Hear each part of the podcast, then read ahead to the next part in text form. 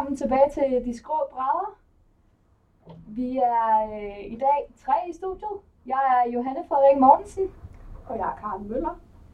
Og jeg hedder Mathias Dun Larsen. Ja, og vi har øh, Mathias med i dag, som er vores medstuderende. Øh, fordi vi alle tre har været inde og se Død over eliten.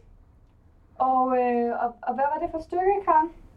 Det var et lidt anderledes stykke i forhold til det, vi så sidste gang, som var eventyret Mio Min Mio. Nu så vi Død over eliten, der tog virkeligheden op og debatterede samfundsdebatten i dag. Hvilke emner tog det blandt andet op, Mathias? Jamen, øh, som det fremgår navnet, eliten og modpolen dertil. Øh, ja, de lavere sociale lag og deres, øh, ja, hvad skal man kalde det, forarvelse over eliten. Det starter jo også med, at øh, allerede da vi skal vise vores billetter, kommer Claus Bondam, som er en af de her politikere, som ja, lidt sjovt, at han også selv har været politiker. Han kommer ud og hilser på os og begynder at køre en eller anden parole af, som øh, ja, tydeligvis er en karikeret udgave af, hvad politikere de siger. Øhm, ja, sådan en parole, han har lært ud Men samtidig så føltes det, som om man var med i stykket på en eller anden måde. Jeg var sådan, wow, er vi til valgaften eller et eller andet, fordi så det første stykke starter med, det er, at der kommer en, en uh, journalist ind, skal det være. Sådan, god aften og velkommen til valgdebat. Og så er jeg sådan, wow, og vi er bare med som publikum. Vi skal klappe, og vi skal stemme, og vi skal det ene og det andet, så man bliver virkeligheden med. Synes jeg. Ja. Efter den her valgaften, der er der, så kommer vi ud til nogle forskellige karakterer. Vi møder blandt andet nogle rige mennesker, som går på kunstmuseum og drikker rødvin. Øh, så er der en rengøringsdame, der skal rydde alt der stort op. Så er der øh, en middelklassefamilie, og så er der en lidt ekstremistisk familie, der har nogle meget øh, ja, stærke holdninger. Så møder vi også en dreng, Dian, som jeg synes rammer øh, hans karakter vildt godt. Vildt realistisk. Ja, fordi Dian, han, øh, han arbejder på altså et, et værksted, et bilværksted, gør det ikke det? Jo. Øhm, men han kan kun, altså han, kun, han er, han er lærling, ikke? Og han kan så kun få lov at, at blive, hvis han består nogle eksamener. Ja, han får tilbudt en, et sted hos sin mester. Men han kan kun komme ind til sin mester, hvis han skal igennem de her prøver, som man åbenbart skal igennem. Og han skal ind og bestå en matematikprøve, han skal ind og bestå kemi og fysik og alt muligt, han bare ikke skal bruge til noget. Og han er tydeligvis ikke en skoledreng. Nej, Han, han er, han er jo sådan en, der skal ud og have noget mellem hænderne. Altså. og det er bare, han er jo netop det rigtige sted, ikke? Fordi han har hænderne skruet rigtigt på. Ja, Men ja, Og han, han er jo også en af dem, der fremstår faktisk rigtig sympatisk. En af Mm. de jeg få, har sympati med mange af de her karakterer, og fik også mig til sådan lige at tænke nærmere over, okay, hvad synes jeg egentlig om det her emne? Ja, og når man sådan, altså, nu har jeg sådan i hvert fald i mine yngre dage nogle gange tænkt, at jeg var meget overbevist om et eller andet. Og, og, og ja, det fik meget en til at tænke sådan, hvorfor at modparten tænker noget andet. Eller hvorfor at, at det heller ikke altid er, øh, selvom man selv synes, at det er en mega tolerant tankegang, man har, eller en empatisk tankegang, man har, så er der måske alligevel nogen, men ikke får taget højde for. Øh, Og jeg tror også lidt moralen med det her stykke, det er, at det er i orden at være uenig. Fordi i hele stykket, der, der er alle uenige. Folk bliver splittet op. Jeg bliver hævet ud i hver sine ender, og det ender med, at folk bliver slået ihjel, og folk bliver mishandlet og slået osv. Så, videre. så til sidst, når de samler sig i stykket, så tror jeg, det handler om, okay, vi kan godt have forskellige holdninger. Det er faktisk fair nok. Ja, og også bare noget med det der med, at man, man mener, at ting er en grund.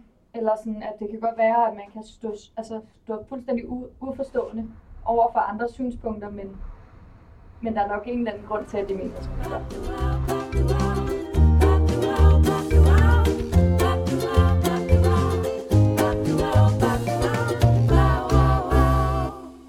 stykket, så kommer der en, en meget flot dame, ind, øh, som ikke har set før på rollelisten, og tænker, Hov, hvad, var- hvad var hun for en?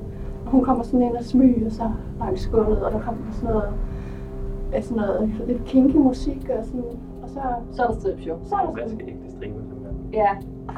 Og, og Karen havde sendt et klip øh, på Facebook øh, til Mathias og jeg. warning, Og, øh, så, vi, så vi vidste godt lidt, der ville komme et eller andet.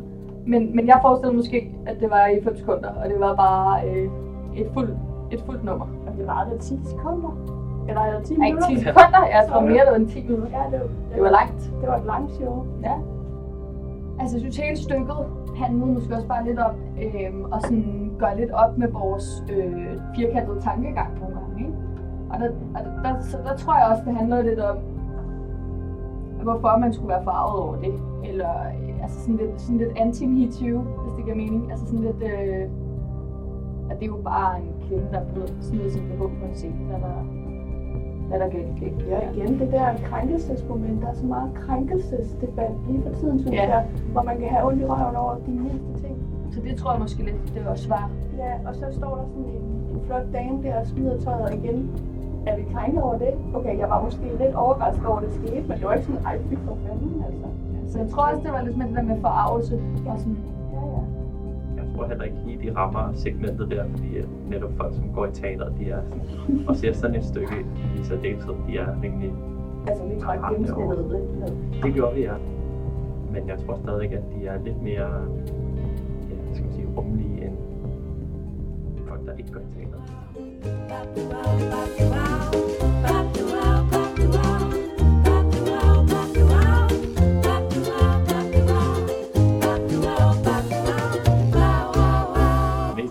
jeg mig bare godt underholdt. Jeg følte ikke, at jeg blev klogere på noget, eller hvad jeg skulle holde Men- mere med. Men det, det var, føltes virkelig heller ikke meningen. Altså det føltes ikke som om, at... Og det synes jeg også, altså et eller andet sted, det synes jeg jo heller ikke er teaterets opgave øh, at fortælle os, hvem vi skal stemme på. Altså sådan, så det synes jeg på en eller anden måde også er fint, at det virkede ikke. Det virkede ikke som om, de prøvede at trække nogen i nogen fløj.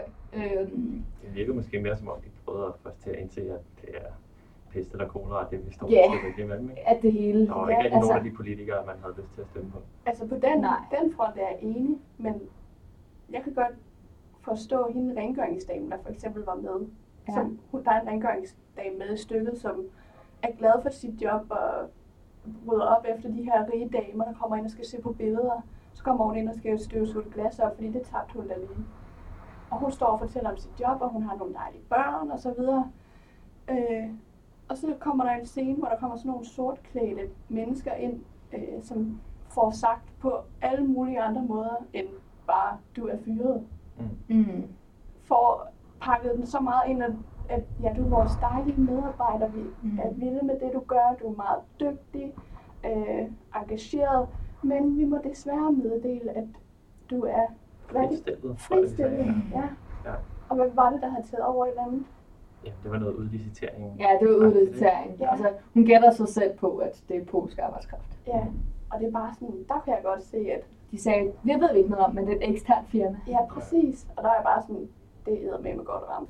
Ja, det var også, altså jeg følte jo lidt, at jeg forstod bedre øh, det der oprør, der er mod eliten, når man sådan får det serveret så meget in your face-agtigt. Øhm, det var det der, som du var inde på før, at de har lige skruet Mm. helt op for konflikten og for karikaturen, Mm. og på den måde står det lidt klarere, hvad det egentlig er, Mm. der foregår i vores samfund jeg synes, det er fedt, at man i Danmark kan stille det her op på den måde. Altså, vi, kan- vi kan godt gøre lidt grin med vores politikere og vores politik, uden at vi behøver, behøver at kaste sten i hovedet på hinanden. Altså, vi kan vise det på scenen lige så vel som på Folketingets gulv. Jeg synes jo også, det var meget sjovt, at det var en ekspolitiker, der ligesom Ja. portrætterer sig selv i ikke så pænt lys, kan man sige. Det var i hvert fald sådan, jeg følte det. Det var virkelig et eksempel. Nu har vi også snakket noget, nogle gange om, at, at teater også kan være sådan... Nu studerer vi jo alle sammen journalistik. Og vi har nogle gange snakket om, at sådan, teater også kan være ligesom, ja, en anden måde at formidle på. Og det synes jeg virkelig, det her var et eksempel på. Ikke? Bestemt. Øh, altså sådan, uden at formidle et helt specifikt, øh, klart budskab, så var det meget det med her, sådan med at se tingene fra flere perspektiver. Og, altså sådan, der var meget, ja, mange tanker, der blev sat i gang. Det Jeg var jo vel også på, at, øh, at vi kan se os selv på en anden måde, at man lige Mm. tænker, hov, har jeg gjort et eller andet Mm. forkert, eller nu støder jeg nogen ved at sige de her ting, for eksempel.